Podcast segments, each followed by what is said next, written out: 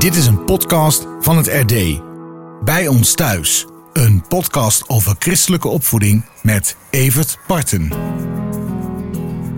Zoon of dochterlief doorziet dingen razendsnel, heeft steeds nieuwe uitdagingen nodig en verveelt zich al snel op school. En dan kom je erachter: mijn kind is hoogbegaafd. Hoe daarmee om te gaan? In deze zestiende aflevering van Bij ons thuis praat ik erover met Anton Bongiovanni.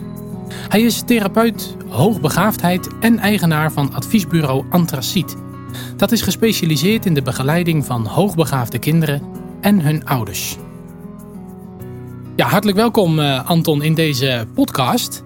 Dank je. Ja, uh, even een persoonlijk vraagje, maar wat een prachtige achternaam heb je. Is dat uh, Italiaans? Dat is inderdaad Italiaans. Kon ook bijna niet anders, hè? Ik heb een Nederlandse moeder gehad en ik heb nog steeds een Italiaanse vader. Ah, kijk. Juist, dus daar komt die prachtige naam vandaan. Uh, ja, dan, uh, je bent hier voor, uh, om, om, om ja, de, de, luisteraars wat te vertellen over hoogbegaafdheid. Waar, waar komt die interesse uh, vandaan bij jou? Ik denk dat het op de een of andere manier op mijn weg gekomen is. Ehm, volgens mij komt bij iedereen in zijn jeugd en in de periode daarna van alles op zijn weg of haar weg. Mm -hmm. En opeens blijven dingen hangen. Um, ik heb een onderwijsachtergrond. Uh, ook een technisch-wetenschappelijke eerst. Daarna heb ik de overstap gemaakt naar het onderwijs. En dan komt er van alles langs. Ik heb me een aantal jaren verdiept in leesbevordering. Hoe krijg je kinderen en jongeren aan het lezen? Oh, dat is interessant ook. En op enig moment kwam daar ook het fenomeen hoogbegaafdheid langs. En dat, dat klikte, dat bleef hangen. En dan ga je specialiseren, dan ga je verder studeren. En dan wordt dat vanzelf ergens een, een passie. Iets waar je wat mee hebt en waar je ook steeds meer uh, van probeert te weten te komen. En, en hoe komt die, ja, hoe, waar, waar kwam die klik vandaan? Wat was, wat was nou het element waarvan je zei van... hé, hey, dit, dit trekt mij heel erg? Blijkbaar was er iets in die kinderen wat mij uh, biologeerde. Dat ging toen nog over kinderrecht, basisschoolkinderen. Mm -hmm. Het werd wel gezegd van er zit zoveel in en er komt zo weinig uit. Het zijn van die kinderen waar je mee in gesprek raakt en dan denkt, ja, jij kunt veel meer, maar je laat het niet zien. Dat is op een gegeven moment een soort fascinatie. Zeker, ik was schoolmeester in die tijd. Fascinerend en ook met mijn vrouw. Dit is een van de punten waar we vanaf het begin van onze relatie veel over hadden. Je hebt van die kinderen in je groep, zij stond al wat langer voor de klas, waar je van denkt van jij moet veel meer kunnen, maar hoe krijg ik dit gemobiliseerd? Hoe krijg ik dit eruit? Yeah. En dan stuit je op een fenomeen uh, wat we later hebben leren analyseren als inderdaad begaafdheid. En ja, ik denk dat we daar vanochtend ook nog wel eventjes over doorpraten. Van wat is dan het punt bij die kinderen? Waarom zit het er wel in en waarom komt het er niet uit? Ja, precies. Ik vind het wel mooi inderdaad hoe je dat omschrijft. Ja, hè? Er zit gewoon heel veel in, maar het, komt er blijkbaar niet uit. Ja. Ben je zelf trouwens ook uh, ja, een hoogbegaafd kind geweest? Ja, als je dat zo kan zeggen. Want je, ja. je, houdt, je houdt het natuurlijk, maar of je blijft Als het, het goed is, blijf je je leven lang je intelligentie ongeveer houden. Ja. Ik heb er geen idee van. Um, als ik kijk naar gemiddelde begaafde kinderen, hoogbegaafde kinderen, zoals wij ze zien, zoals wij ze ook op scholen begeleiden, um, denk ik dat ik niet voldoe aan dat profiel. Ik denk dat ik een, een, een rustig jochie was op school. Uh, had wel mijn capaciteiten, heb ook VWO gedaan. Hoewel ik ooit eens aan het einde van toen nog de lagere school getest was. En toen wilden ze me naar de LTS doen. Lekker met de handjes, een beetje met techniek. Yeah. Um, en uiteindelijk is het toch VWO geworden. En dat, ach, dat is me aardig afgegaan. Dus dat zal wel gaan. Maar getest ben ik nooit. Dus ik weet ook niet of ik hoogbegaafd ben. Het is een van de vragen die heel vaak ook door scholen gesteld worden. Je staat voor een groep met, uh, met docenten of leerkrachten. En een van de vragen is, maar bent u zelf ook hoogbegaafd? En dan is het heerlijk om gewoon te kunnen zeggen, ik zou het niet weten. Ja, dat is een veilig antwoord. Dat is een veilig antwoord. Ja, ja. ja. Als het gaat om de belangrijkste kenmerken van hoogbegaafdheid, welke zijn dat? Vaak wordt gedacht, de hoogbegaafdheid, dat zijn kinderen die alles kunnen. Die alles gelijk begrijpen en zo. Maar wat, wat wij hebben leren uh, zien als een van de belangrijkste kenmerken... is het feit dat het kind aan de buitenkant heel wijs is, wijzer dan zijn leeftijdgenoten, veel intelligenter overkomt dan, dan je op grond van zijn kalenderleeftijd zou verwachten. Um, en tegelijkertijd zijn het kinderen die een stuk kwetsbaarheid hebben. Uh, emotioneel, zeg maar, zijn ze nou niet zozeer jonger, uh, maar wel kwetsbaarder dan leeftijdgenoten. En het is die discrepantie waar wij heel vaak mee te maken krijgen. En waar veel van die kinderen, van die jongeren, maar ook volwassenen mee te maken hebben. Een stuk kwetsbaarheid die ze hebben. Ja, dus op het cognitieve vlak uh, springen ze er bovenuit. Ja. En, en, en sociaal-emotioneel blijven ze vaak achter. En, Ja. dat is, en dat is een kloof, als het ware. Daar zit een kloof en, en dan onderscheiden we ook nog wel het sociale en het emotionele. Sociaal kun je functioneren op je verstand. Eh, je kunt nadenken over hoe ga ik met anderen om. Niet dat elk begaafd kind dat kan. Maar je emotioneel functioneren, dat wat diep in je zit, je binnenkant zeg maar even, daar kun je weinig op sturen. En het is die kloof inderdaad tussen wat laat ik zien aan de buitenkant en wat voel ik aan de binnenkant, eh, die het begaafd zijn, het hoogbegaafd zijn, eh, voor velen, niet voor iedereen, maar voor velen wel ja, lastig maakt of zelfs eh, zorgelijk maakt. Ja, en dat, dat geldt voor ouders natuurlijk ook hè, van, van deze kinderen. Want ik denk dat het dan ook die kloof is die het juist zo lastig maakt, denk ik, hè, om daarmee om te gaan. Die kloof is waar ouders tegenaan lopen in de regel ook. Het kind zelf natuurlijk, die gaat naar school en daar ben je tussen leeftijdsgenoten. Dus dan word je geacht je op een bepaalde manier te gedragen. Dat doet dat kind ook. Eh, daar hou je je groot, daar hou je stoer. Dat doet elk kind. Ehm, maar op het moment dat je thuis komt, ja, dan komt alle frustratie en alle spanning eh, van die dag, die komt eruit. Of zaken die misgegaan zijn, zaken die niet leuk gelopen zijn, die komen er dan uit. En dat is waar ouders inderdaad heel vaak over eh, vragen stellen van wat moeten we hiermee? Waar het probleem voor ouders vaak mee begint, is inderdaad het emotioneel zo jong zijn of het eh, weinig weerbaar zijn binnenshuis. Ja, precies. Dus ze kunnen heel veel en tegelijkertijd zijn ze nog zo kind, zeg maar. Ze zijn nog zo kind, ja. Ja, precies. Ja. Nou, hoogbegaafdheid heeft, heeft natuurlijk niet alleen negatieve kanten. Ehm, jij gaat samen met eh, collega's natuurlijk veel met, eh, met eh, dit soort kinderen om. Ehm, kun je eens iets vertellen over, over mooie dingen die je meemaakt in de praktijk? Ik heb ooit een keer een lezing gehoord van Eleonore van Gerven, een van huis uit kleuterjuf, een specialist ook op dit terrein. Ehm, en zij gaf in die tijd veel lezingen. En een van de dingen die ze zei is: je hebt altijd eh, leuke grappen en voorbeelden bij de hand. Ehm, en zuchtend zei ze erachteraan, maar aan het einde van de, je avond, van de dag ben je wel erg moe van je eigen kinderen. En dat is inderdaad wat heel vaak voorkomt. Er gebeurt van alles. Ik, ik zie opeens weer het hoofd voor me van een jochie. Ik zal zijn naam even niet gebruiken. Eh, ik denk dat hij negen werd en eh, een schaakbord kreeg. Dat had hij gevraagd in de weken daarvoor. Had zijn vader hem leren schaken. Nou, dat was heel leuk. Een paar potjes had pa alles uitgelegd, alle zetten. En dat kind dat kreeg het steeds beter in de gaten. Eh, toen kwam er een periode dat de vader dacht... nou ja, oké, dat schaken met kindlief, dat is een hele uitdaging. Ehm, maar al heel snel was ook dat voorbij. Dat schaken, dat lukte vader niet meer tegen die zoon. Want hij had het gewoon in tien potjes, zeg maar, had zo onder de knie. Maar toen zeiden ze, wacht maar af. Als de verjaardag van die of die is, dan komt de vrijgezelle oom. Eh, en die kan heel goed schaken. Die zit ook bij een schaakvereniging. Nou, dan ga je daar lekker tegen schaken. De verjaardag brak aan. Oom kon net even zijn gebakje eten, zijn koffie drinken... want hij werd door neefje meegetroond naar een tafel. En daar werd geschaakt.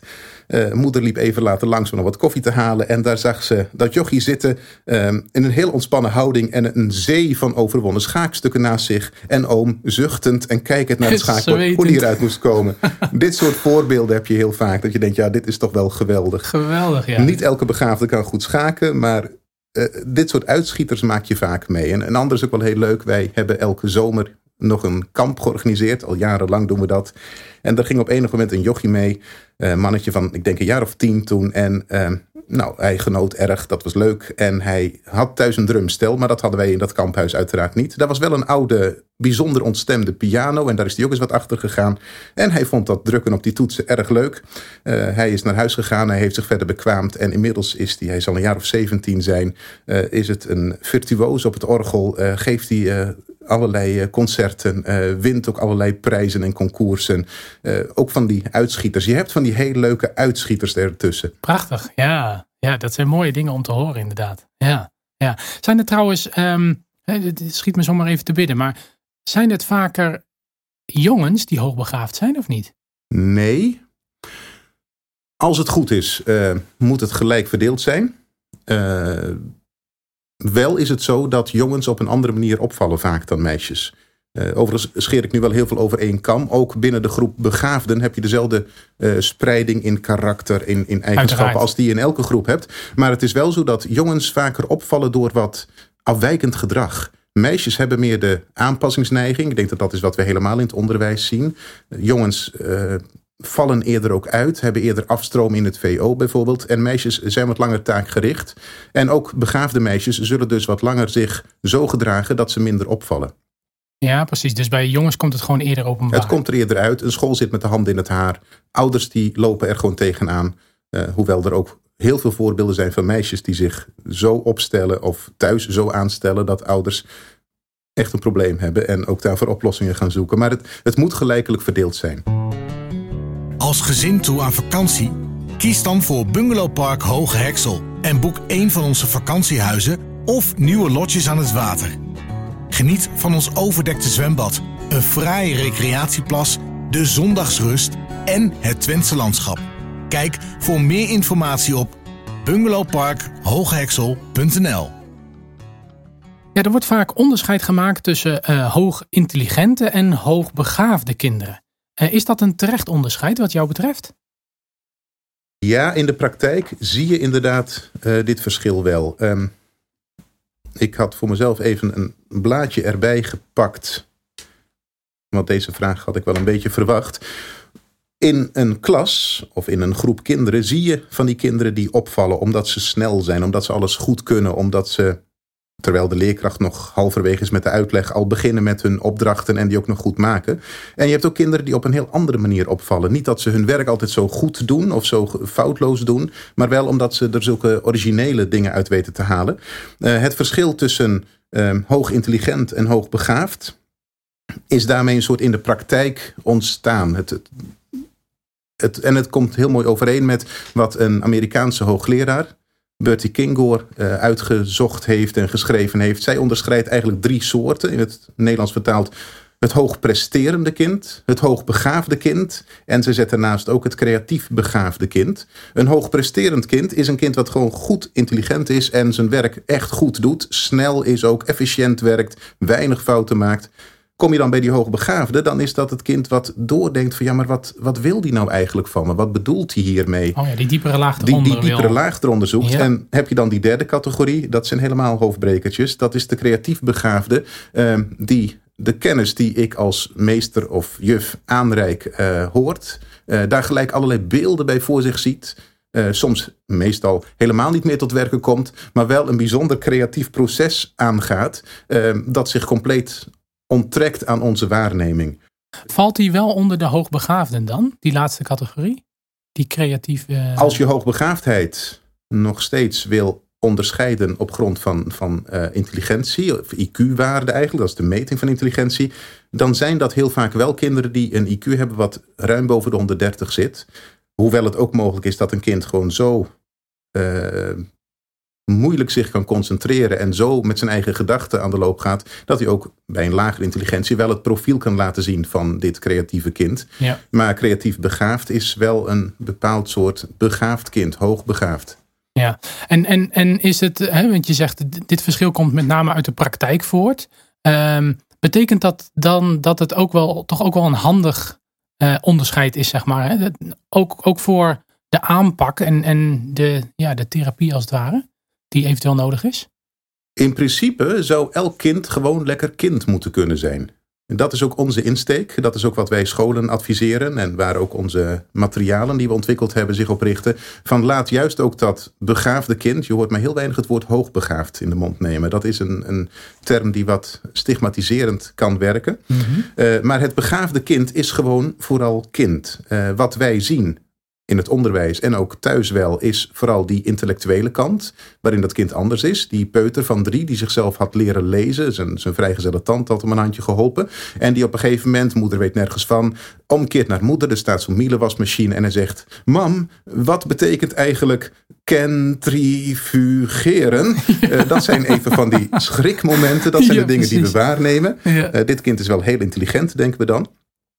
Maar het andere aspect, het moeite hebben met zaken, met sociale interactie en dat soort dingen, die maken eigenlijk dat we zeggen van nou, die begaafde heeft die begeleiding van die meester, die juf en van die ouders nodig. En het begeleiden van die kinderen is eigenlijk altijd begeleid ze terug naar wat bij een normaal kind past. Laat het kind gewoon normaal kind zijn. Ja, dus je zegt eigenlijk leg er niet te veel druk op. Nee, bied het kind wat het nodig heeft. Uh, biedt het kind dus ook wel de uitdaging die erbij past. Dat mag, dat is goed.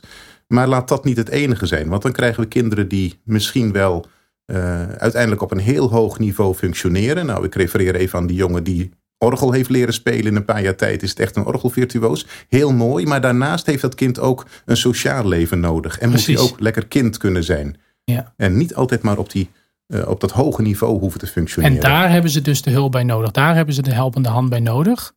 Maar je zegt niet, niet op een overdreven manier. Maar gewoon eigenlijk wat een ander kind ook nodig heeft. Want iedereen moet het uiteindelijk leren. Ja, dat klopt. Daar ligt ook de overeenkomst met elk willekeurig kind.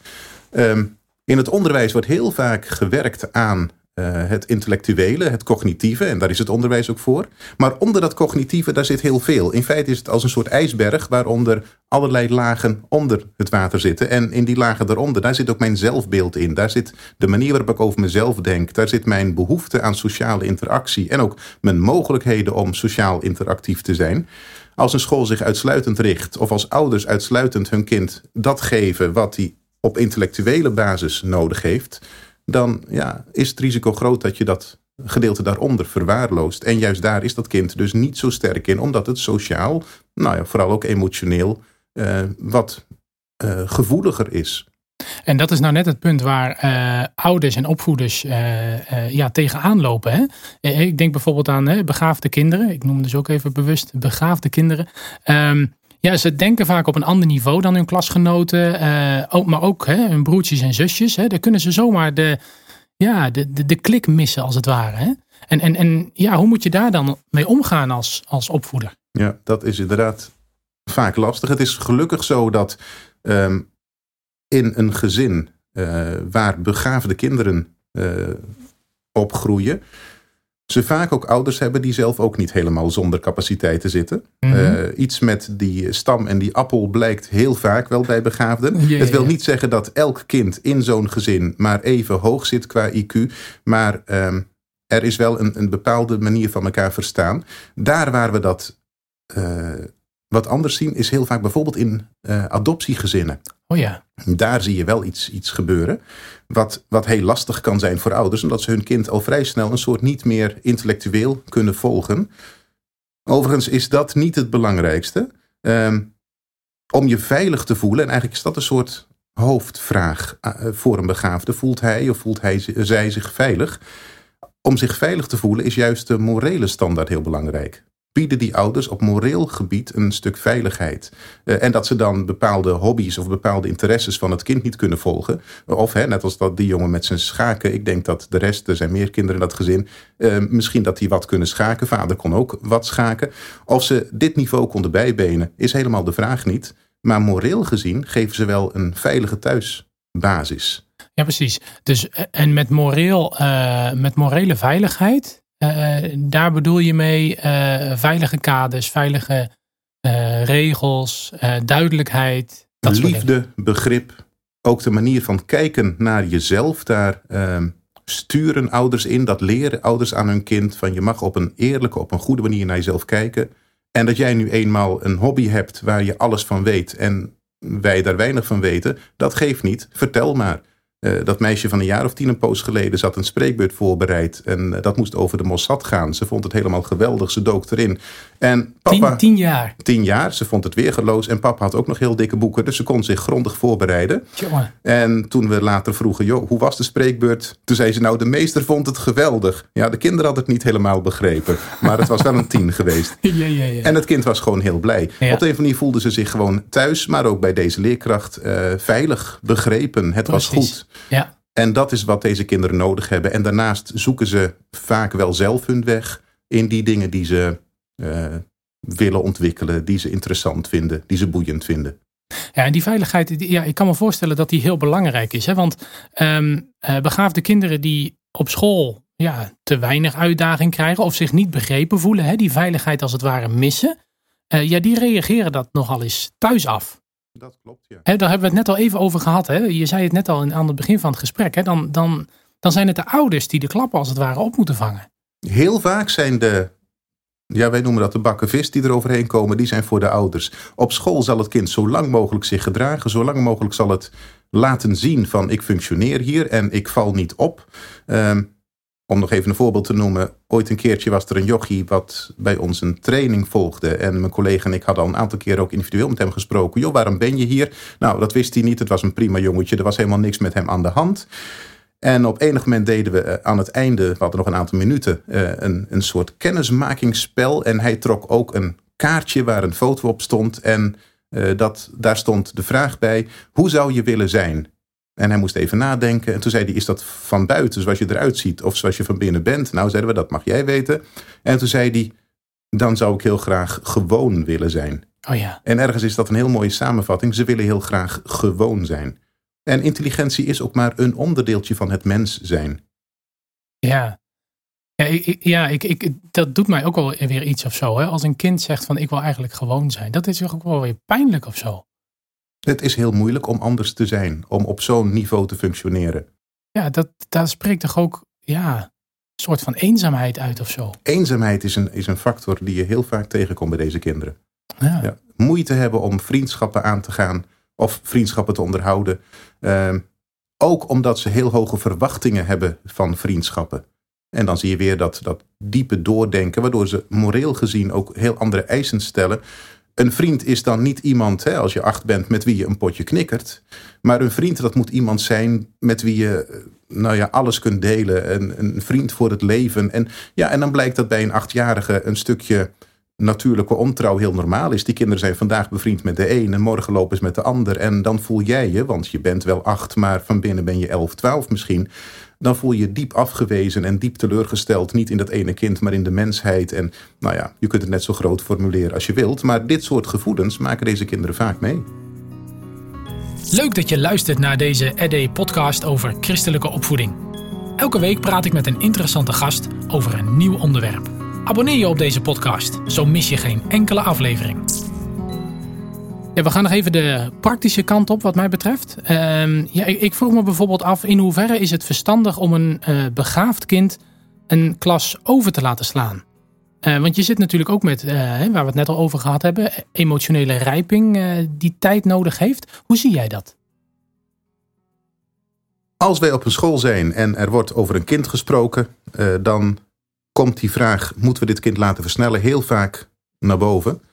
En ons advies, ook aan ouders die met die vraag komen, is eigenlijk een vrij stellig nee, tenzij. Versnellen is eigenlijk nooit een echte oplossing. Door een kind te versnellen haal je hem inderdaad uit zijn, uit zijn veiligheid, verder uit zijn veiligheid. Uh, neem even een kind van een jaar of acht die kan denken als een elfjarige, dus op dat niveau intellectueel bezig is. Heeft natuurlijk niet de kennis van een elfjarige, mhm. dat hoeft helemaal niet, maar wel de manier van denken uh, is die van een elfjarige. Nou, een achtjarige die trekt zich van heel de wereld vrij weinig aan. Een elfjarige is juist heel erg betrokken op wat vinden anderen van mij, hè? dat prepuberale. Neem zo'n kind in gedachten en trek dan diezelfde hoeveelheid jaren er in gedachtenis af dat je denkt, wat kan dat kind aan? Wat is een incasseringsvermogen? Dan heb ik een kind van een jaar of acht dat als een vijfjarige, dus als een kleuter eigenlijk, uh, dingen voelt. Niet waarneemt, maar wel voelt. Dus wanneer de leerkracht dan even zo'n klas een standje geeft, nou neem een groep vier, dat zijn achtjarigen, dan moet je wel eens eventjes op je poot spelen. En dat ene gevoelige kind, dat begaafde kind, uh, schrikt dan alsof hij een kleuter is van dat standje wat de rest krijgt. Zeg je tegen dat kind, nou, we gaan eens kijken waar je intellectueel zit. We nemen de, hè, de bekende CITO-toetsen. Dat is dat bovenste gedeelte van wat het kind nodig heeft, namelijk het intellectuele. We laten dan dat hele emotionele stukje, de persoonlijkheidsstukje even zitten. Mhm. Dan zeggen we, nou, jij kunt inderdaad dat jaar wel overslaan. En qua kennis zal het kind dat kunnen. Uh, dat kind komt in die volgende groep. Hè, we pakken dat op en we zetten dat in een volgende groep. En vervolgens blijkt de afstand emotioneel dus ook van de veiligheid tot zijn klasgenoten, nog een stukje groter geworden nog te zijn. groter te zijn, ja. Het risico is dan dat het kind zich heel erg gaat richten, nog meer dan daarvoor, op het vergaderen van kennis. En daar in feite een, een soort zijn veiligheid mee opbouwt. Wij zijn geen voorstander van versnellen, tenzij een kind gewoon meer aansluiting heeft, ook in sociale, met het oudere kind.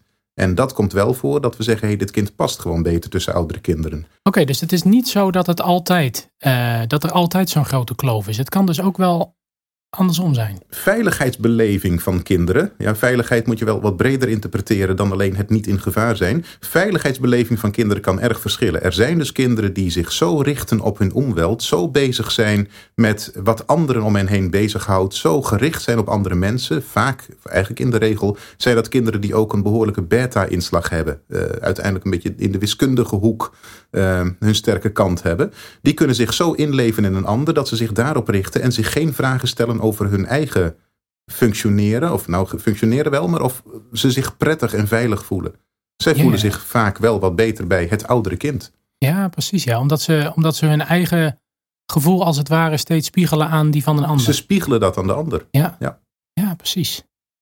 Dus onze vuistregel is: versnellen moet je niet doen. Wel verbreden, wel verrijken, wel die extra zaken aanreiken. En ook dan weer zoek daar breedte in. Niet dat kind wat alles wil weten van Egypte alleen maar overvoeren met boeken over Egypte.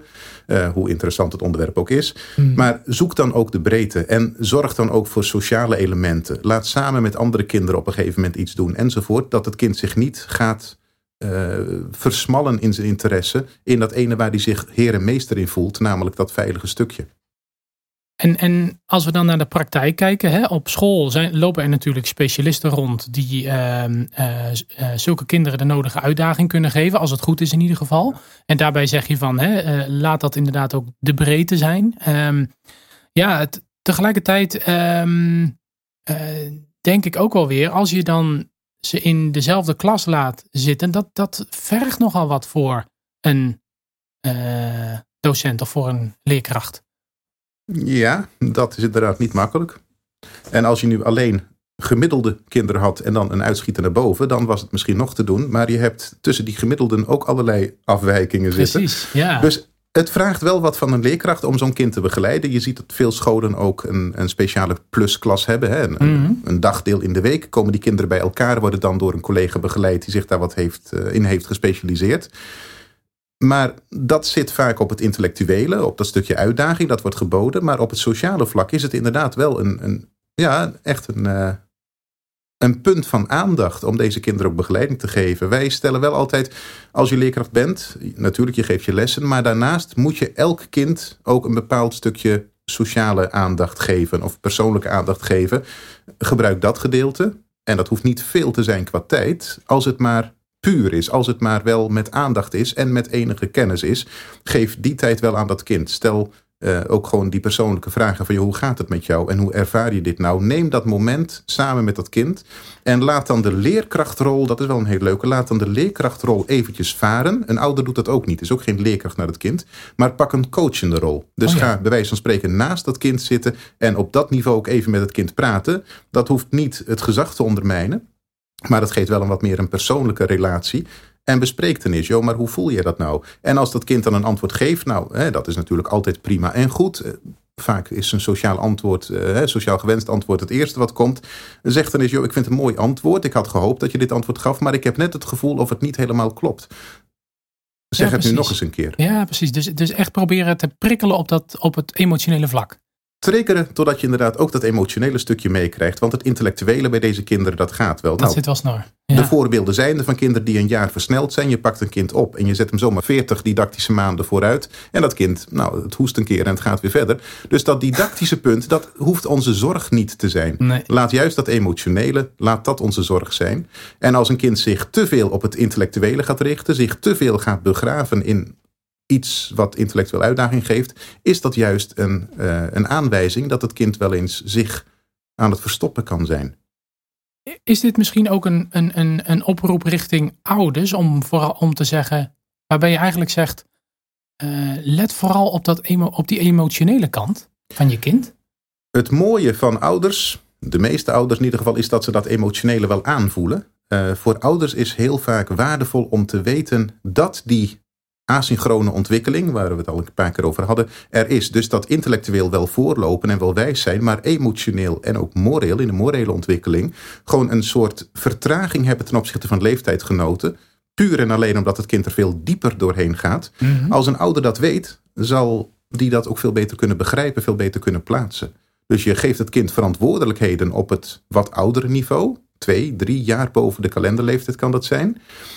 Maar je geeft het kind begrip voor een, voor een wat jonger kind. Je, je hebt er begrip voor als jouw puber nog steeds met knuffels in bed wil slapen en dat soort zaken. En we Ja. benoemen dat niet als gek. Oké, dus, dus eigenlijk zeg je tegen ouders eh, van begaafde kinderen, ehm, eh, schaal op het emotionele vlak een beetje terug. Ja, weet dat wij met elkaar een soort standaard hebben. We hebben een gemiddeld kind. Nou, dat zal een IQ hebben van 100, want daar is die IQ-test op, op geëikt. Um, en dat kind heeft een bepaalde ontwikkeling op allerlei gebieden. Wij zijn dat gewend. En we zeggen, nou, als je dus 7 bent, dan ben je zus, dan doe je zo, dan voel je dat. En in dit geval moet je zeggen, joh, intellectueel, de manier van denken is gewoon wat vooruit. Het, het, het kennisniveau, nou, dat is wat het heeft aangeboden. Maar het emotionele incasseringsvermogen, dat is gewoon wat lager. En hou daar rekening mee. En op het moment dat je dan een kind hebt van negen die jou een prachtig verhaal vertelt als moeder, terwijl jij al vermoedt dat het niet waar is en er later ook achterkomt dat het niet waar is.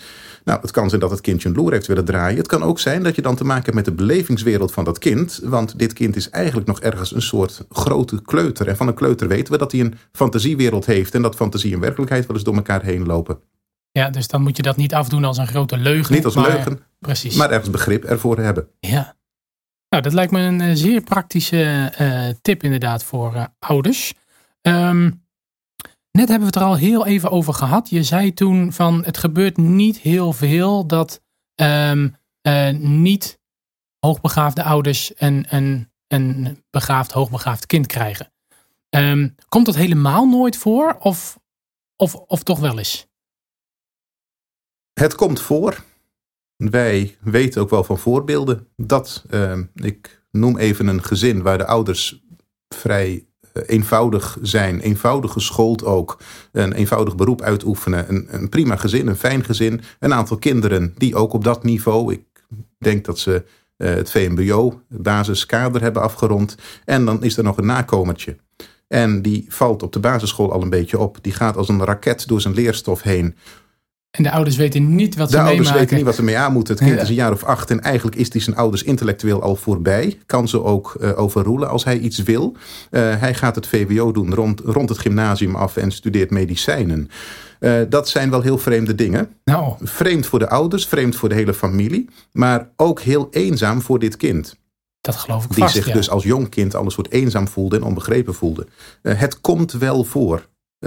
maar gelukkig zijn het wel de uitzonderingen. Gebruikelijk is dat het niveau vergelijkbaar is. Dat ouders hun kind wel kunnen volgen. Ja, en bij adoptie, hè? Daar, gebeurt, daar gebeurt het dus ook. Zeker uh, bij de adoptie van Aziatische kinderen komen wij nogal eens tegen dat dat kinderen zijn uh, die op een heel hoog niveau en dan met name uh, op de beta-vakken, zeg maar, op het, op het wiskundige, op het abstracte, op een heel hoog niveau functioneren. Ja, ja. En dan speelt dus een grote rol uh, voor de veiligheid van het kind. Hoe functioneren deze ouders moreel gezien? Als die ouders gewoon een, hoge morele standaard hebben, uh, duidelijke regels hebben, met heel veel liefde omkleed. Dus niet de regel als regel, maar de regel als een soort uh, norm waarbinnen we ons allemaal prettig en veilig voelen. Dan zie je dat die kinderen heel goed kunnen functioneren in die gezinnen. Ja, nou wel aardig dat, hè, dat je adoptie even noemde. We hebben twee afleveringen geleden een, gesprek gehad over adoptie met Marlies van der Staaij. En uh, maar toen hebben we dit punt niet, uh, niet aangeraakt, zeg maar. Dus dat is blijven liggen. Dus ik ben blij uh, dat je het uh, even noemde. Goed, um, ja, het is tijd voor ons zogeheten antwoordapparaat. En ehm, ik heb een, een vraag gekregen. En die is ingesproken door een collega van mij. En ehm, die ga ik je bij deze voorleggen. Ja. Ik heb het idee dat er op school onvoldoende aandacht is voor de hoogbegaafdheid van mijn kind. Hoe kaart ik dat op een goede manier aan, zonder als zeurouder over te komen? Ja, dat, ik denk dat veel ouders dat wel, uh, die hiermee te maken hebben, uh, ervaren. Uh, wat, wat zeg je dan tegen zo'n ouder? Het is een heel herkenbare vraag. Hij wordt vaak gesteld. En dat woord zeurouder komt dan ook vaak naar voren. Ouders voelen zich snel zeurend. Misschien zegt dat iets over het morele functioneren van de ouders dan. in positieve zin. Ik denk dat je hier iets hebt waar je als ouders niet al te beschroomd moet zijn. Je hebt ooit eens, ook bij het doopvond, ja gezegd op de vragen die gesteld zijn. Nee, uiteraard werd daar niet gevraagd of je een zeurouder wilde zijn, maar wel dat je zou helpen om dat kind op te voeden zoals dat beschreven is. En ik denk dat je als ouder niet te snel moet denken: ik ben een zeurouder. Jouw kind heeft iets nodig. Je gaat naar die school toe en je legt dat ook uit. Mijn kind heeft dat nodig. Wat wij wel vaak aangeven naar ouders, hè, ook adviseren, eh, zo'n gesprek voorbereiden samen. Dat komt ook voor. Zeggen joh, ga geen eisen stellen op de school van hij moet Spaans en zij moet biologie en, enzovoort. Laat dat aan de expertise van de school. Laat de school ook ergens eigen keuzes mogen maken. Het probleem dat je hebt, dat moet je onder woorden zien te brengen zodanig dat, dat je samen ervoor staat. Dus niet tegenover die school, dat gevoel krijg je bij het woord zeurouder. Maar ga samen met die school op zoek. Het is wel zo, we hebben het meerdere keren nu al even besproken. Waarschijnlijk zien ze op school niet het kind dat jij thuis ziet. Precies. Op school zien, zien, ze een krachtig kind wat, Ja. wat, wat goede prestaties neerzet of wat dan ook. En thuis krijg jij dus alles over je heen. En dat moet je op school wel duidelijk proberen te maken. Ik herinner me die moeder van die kleuter die met eh, de puzzeltjes die het kind thuis deed, eh, twee, drie sterren puzzels uit zijn boekje, naar school ging om aan te tonen dat haar kind wel degelijk op een heel ander niveau functioneerde. Nou, daar moet je eerst doorheen zien te komen. Je moet samen voor die zaak staan, namelijk dat kind geven wat het nodig is. En als je dat met de school bereiken kunt, als je samen kunt gaan zoeken naar, dan kun je ook gewoon het probleem uitleggen. Eh, want heel vaak ligt het probleem op een emotioneel vlak. Eh, je ziet de pijn, het verdriet van je kind. Je ziet dat je kind zich eenzaam voelt enzovoort. Ga dan niet vragen om, om Spaans of om natuurkunde, Precies. maar vraag dan of ze daar iets mee kunnen doen. En of je misschien samen kunt nadenken om dat vorm te geven. Ja, dus wees concreet als het gaat om, om, om het probleem, zeg maar. Hè? Ja, Ehm, eh, maar wees ehm, ja, ruim en, en, en, en, en niet te concreet als het gaat om de oplossingsrichting. Leg die, leg die vooral bij school neer. Ja, laat dat bij de school liggen en geef Ja. ze dat vertrouwen ook dat ze daar wat mee kunnen. Maar erken ook en benoem, en soms is dat voor scholen nog steeds een verrassing, benoem ook dat jij thuis echt een ander kind hebt en een ander kind ziet dan dat ze op school zien. En spreek dan allebei uit, als ouders en als school, van joh, wij zien uw kind zus of zo. En durf dat ook heel open te doen naar elkaar en te constateren van ja, maar hier zitten dus echt grote verschillen tussen. Ja. Dan heb je de basis. Nou, eh, dank voor eh, je reactie op deze eh, vraag. Ehm, ja, nog eh, een, een laatste vraag eh, voordat we gaan afsluiten. Ehm, je noemde net even het doopvond. En daar haak ik toch eventjes op in. Ik was eigenlijk wel benieuwd. eh, dit is natuurlijk een podcast over christelijke opvoeding. Zegt de Bijbel ook iets over begaafdheid, hoogbegaafdheid? de Bijbel zegt van alles over de mens en over de val van de mens. Wie in de Bijbel leest, komt daar diverse mensen tegen, waar wij uiteraard geen IQ-scores van hebben, maar waarvan het vermoeden toch wel ten zeerste is dat ze heel hoog waren qua intelligentie. Ik denk even aan Daniel en zijn drie vrienden. Die gingen niet naar een speciale hoogbegaafdenschool. Integendeel, zij aten niet het voedsel wat ze van de koning kregen. Zij dronken water. Zij aten van het gezaaide. En de Heere zegende dat. Ehm, dat is wel iets wat je mee mag nemen. Eh, word vooral niet trots op dat kind. Eh, geregeld lees je wel ergens of hoor je dat. Dan is er weer een, een kind van elf dat weer een middelbare school af heeft. Of een veertienjarige die studeert aan een universiteit eh, enzovoort. Meestal hoor je daar vervolgens niks meer van. Want daar blijft weinig van over. Niet van dat kind, maar wel van het succesverhaal. Ja. Het zijn kinderen en ze hebben gaven gekregen van de Heer. En de hoop is dat ze die gaven op de hun eigen manier kunnen gebruiken. Wat de Heer gemaakt heeft, is, is onderling verscheiden. Eh, elke worst van een bepaald merk eh, is altijd 40 centimeter en 350 gram, geloof ik. En altijd op voordat je het weet.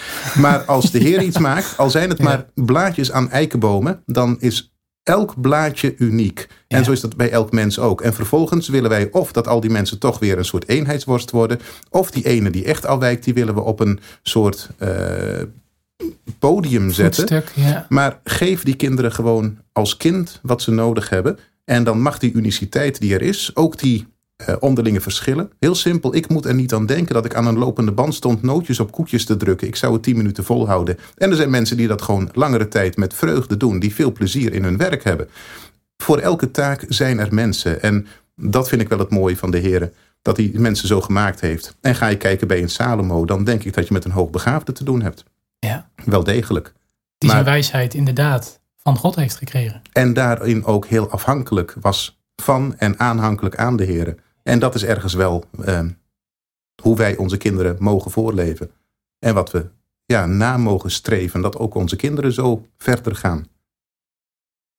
Nou, uh, hartelijk dank voor uh, dit gesprek. Uh, ik hoop dat het nuttig uh, is voor ouders die begaafde kinderen hebben. Ja, en als ze er niet uitkomen, dan ja, kunnen ze jou bellen of hoe. Het liefste hebben wij dat ze via de school dan hun vraag laten binnenkomen. Via de school. Als wij alle vragen op dit terrein die er in Nederland zijn binnenkrijgen, dan ligt ons andere werk helemaal stil. Via de school, veel antwoorden kan een school geven gesteund door de begeleidingsdienst. En komt zo'n begeleidingsdienst er niet uit, eh, dan zijn wij een van de volgende stappen. En dan denken we heel graag mee. Kijk, nou dat is in ieder geval goed om te weten. Nou, nogmaals uh, hartelijk dank. En ook dank voor het luisteren naar deze aflevering. Heb je nou tips, ideeën of vragen? Mail naar podcastapenstaatje.rd.nl en wil je voorgaande afleveringen luisteren? Dat kan op www.rd.nl slash bij ons thuis. Oh ja, uh, heb je onze nieuwsbrieven al eens geprobeerd? Elke dag of week een superhandig overzicht van het nieuws in je mailbox. Probeer het eens op rd.nl slash nieuwsbrief. Voor de volgende aflevering staat opnieuw een interessant onderwerp op de planning. Hoe ga je om met autisme en ADHD?